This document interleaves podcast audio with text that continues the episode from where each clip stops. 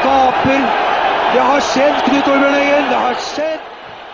Den 4. desember 1996 så skjer det at uh, lille Rosenborg fra Norge slår Berlusconis AC Milan på San Siro stadion i Milano 2-1.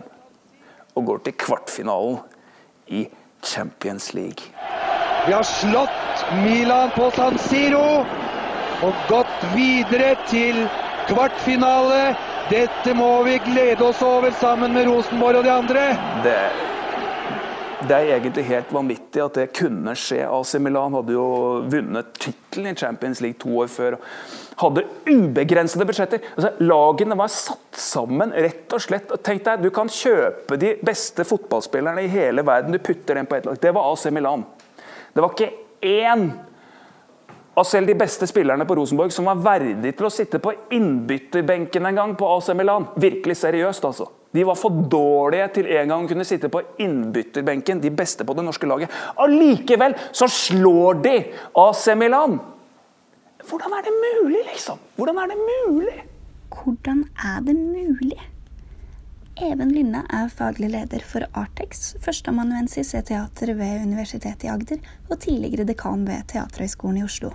Et av prinsippene han mener er avgjørende for å bygge opp et godt ensemble, er å gjøre hverandre gode.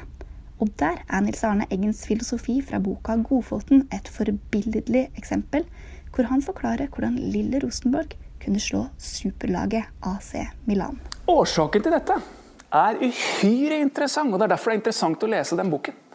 Det er fordi at Rosenborg Husk på, de som spilte på Rosenborg, de var også oppvokst i sykkelavstand fra Lerkendal. Eller i hvert fall bussavstand. AC Milan hadde hele verden. Dette her var heimføinger, er dere med? Lokale gutter. Som var oppvokst i sykkelavstand til Lerkendal, og så slår de dem. Ok, det er på grunn av sånn som Nils Arne Eggen utvikler det i den boken, det er pga. en ekstremt avansert og tett samhandlingsstruktur som de gjennom år har klart å bygge opp på dette ene prinsippet. Jobb for å gjøre de andre gode. I dag mener Even at mange ikke jobber for å gjøre hverandre gode, og at individualismen har gått for langt. Så konkurransementaliteten og manglende evne til samarbeidet den gjør jo at du får uh, dårlige ensembleskuespillere, dårlige ensembledansere, dårlige ensemblemusikere. Folk som foretrekker å spille på solohornet, men ikke klarer å gi seg hen. Altså ikke engang Ikke tør å åpne seg for at noe uventet kan skje i kontakt med en annen. Det ser du veldig konkret på scenen da med skuespillere som ikke lytter til hverandre, ikke klarer å la seg påvirke av hverandre, men, men spiller egentlig av noe som er forhåndskoreografert. Det ser ut som kommunikasjon, men egentlig er det bare en forhåndskoreografi som to mennesker spiller, spiller av, og som er mer eller mindre i synk. Eh, og, og, og, hvis det er i synk, så kan det se bra ut, men det er et lite element av noe levende som ikke er der, og det kommer over, altså. Så øh, Du merker det på den måten at du får kunstnere som egentlig ikke møter hverandre. Det ser bare ut som de gjør det. Du får kunstnere som egentlig ikke lager noe sammen. Det ser bare ut som at de lager noe sammen. Og da kan du få en del litt sånn Du forstår ikke helt hvorfor du ikke ble grepet. Du forstår ikke helt Dette ser bra ut, men litt, jeg, blir ikke, jeg blir ikke tatt av det. Det er litt sånn polert, litt profesjonelt. Folk kan kanskje bli dazzled, liksom, men det, hjertet forblir uberørt. Og det setter ikke noe spor i tanker og refleksjon. Fordi kunstnerne ikke lenger tør å møte hverandre. Even har sjøl gjort erfaringer med det her, og han ble derfor veldig interessert i prinsippet om å gjøre hverandre gode.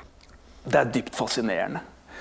Og, med en gang jeg, kom på sporet av det prinsippet, så resonnerte det med en gang. Jeg kjente med en gang det er sant. Det er sant. Det der har jeg erfart innen, innen kunst. Så, så, det har jeg erfart innen kunst. Og til alt overmål. Jeg har gjort en fysisk erfaring med det som jeg ikke glemmer. Altså. Eh, så jeg, jeg, jeg kjente, det, det, der vet jeg at det er sant. For det, det der gjorde jeg en erfaring med i Trøndelag, ikke langt fra Lerkendal. året etter at Rosenborg slo AC Milan, faktisk, i 1997. Eh, og må jeg nesten fortelle om. Det var på Trøndelag Teater. Jeg hadde akkurat debutert som skuespiller på Trøndelag Teater. Og da skjedde det at teateret fikk en høytidelig utfordring fra studentersamfunnet. Fra amatørskuespillerne på Studentersamfunnet. De kom med en høytidelig utfordring til skuespillerensemblet på Trøndelag Teater eh, eh, om å duellere i teatersport. Eh, og jeg fikk helt panikk, for jeg ble utkommandert av Ola B. Johannessen, som var teatersjef, til å liksom forsvare ensemblet mot amatørene. Eh, da sammen med, med det, var, det, var, eh, det, var, Håkon Ramstad, det var Kjersti Elvik, og det var Hvem var den siste? Niklas Gundersen på den norske. Vi skulle forsvare teatret da, mot dette angrepet. Og ja, så vi eh, vi har utviklet et sånn slags uh, ironisk fjols til fjells-konsept. en parodi på norsk 50-tallsfilm. Uh, vi, vi, sang sånn trestemt ironisk versjon av de nære ting og hadde fullt kostyme og rekvisitter og, og greier. Og studentlaget kom, da. De hadde bare på seg privat tøy. og liksom, Så de, de, de falt jo helt igjennom i den introen der, der de sto, liksom, med joggesko. Og, så vi skjønte jo at det her kom til å bli easy match. Og veldig, ble veldig lettet over det. Um, men da vi begynte å skulle konkurrere i å utvikle historier gjennom improvisasjon Oi, oi, oi, oi, oi. Da fikk vi store problemer. Studentene hadde nemlig lært seg å lytte. Det hadde de trent på. De hadde lært seg grunnreglene, nemlig å si ja og bygge på de forslagene som de andre kom med. På den måten klarte de å utvikle sammenhengende historier. Og hva med oss fra Trøndelag Teater? Ok, når Vi skulle ut på... Vi klarte jo ikke å samarbeide i det hele tatt. Vi klarte jo ikke å, bygge på det de andre, de andre, gjorde. Vi klarte ikke å lytte. Vi på en måte bare I panikk stuntet vi frem liksom, og prøvde å overvinne, overleve kunstnerisk gjennom å være individuelt morsomme. Kjøre masse gags. Det er klart Publikum lo, for vi hadde jo bra humorfolk på laget. Men det var klart for alle liksom, hvem som var de moralske vinnerne av den kampen. det var studentene og ikke oss. Så den dagen i teatret gjorde de det samme som Rosenborg. Altså. De slo AC Milan 2-1. Og, og, det var fordi de var enormt til gjøre, flinke til å gjøre hverandre gode og, og skape noe sammen. Prinsippet om å gjøre hverandre gode tok Even med seg til Teaterhøgskolen, der han tidligere jobba som dekan. Eh, vi startet allerede på opptaksprøvene med å prøve å snu den negative programmeringen jeg beskrev i sted. Så vi, vi, lagde en fantasi sammen med søkerne på tredjeprøve. Vi sa til alle de 30 som kom eh, til tredjeprøve og skulle jobbe på skolen i ti dager, vi sa ok, gratulerer, dere har kommet inn på Teaterhøgskolen. Nå leker vi det, liksom. Dere har kommet inn i nullteklassen! I Teaterhøgskolens nullteklasse. Det blir en veldig kort skolegang, veldig kort bachelor, det varer i ti dager. Eh, men i løpet av den eh, utdanningen som dere skal ha nå, kjære nulteklasse, så, så bli et ensemble, da. Det er poenget her nå. Å bli et ensemble. Eh, og så ga vi dem følgende utfordring.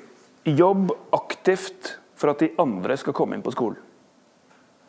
Og du bare oh, wow, ok, kontraintuitivt. Skal jeg begynne å jobbe aktivt for at du skal komme inn på skolen? Da blir det en plass mindre til meg. Men ok, greit. Vi satte oss ned og tok prinsippet om å gjøre hverandre gode. Vi brukte tid på det. Forklarte det på en ordentlig måte. Folk tar det. Eh, og så fikk de denne oppgaven. Se når du kan finne en liten anledning til å gjøre noen andre gode. I løpet av dagene som kommer. Ok, og Så snakket vi om det, så tok vi det opp i løpet av prøven. spurte ja, har det skjedd noe. Har det skjedd noe? Uh, og så begynte de med det. Så fikk de oppgave om å gjøre noe utenom, som ensemble, noe som ikke var fest. Gjøre et eller annet på lørdag, liksom, sammen. Så fikk de oppgave å feire at nullteklassen og skolegangen var over, før noe som helst ble slått opp på noen liste. ikke sant? Feire innsatsen og hverandre, liksom, og ensemblet. Og motet. Alle disse tingene her i sum gjorde at stemningen snudde på den opptaksprøven, og vi kunne ta inn studenter som allerede hadde tenkesett vi kunne bygge videre på. Vi møtte disse klassene en gang hver 14. dag, og da rapporterte de på dette her. Ok, Hva har du gjort den siste uken for å gjøre de andre gode? Litt kleint i starten, men det viser seg at når tilliten kommer i gruppen, er det mange som gjerne vil fortelle litt om det. Og også ta opp problemer knyttet til det. Så får man en type pågående samtale om det prinsippet. Og når du følger opp det gjennom ett år, to år, tre år, fire år, så blir det til slutt en kultur. Og vil du høre flere råd om hvordan du kan jobbe bedre i et team, da bør du sjekke ut de andre episodene i denne serien. Reporter og produsent, det var meg, Sigrun Agøy Engum.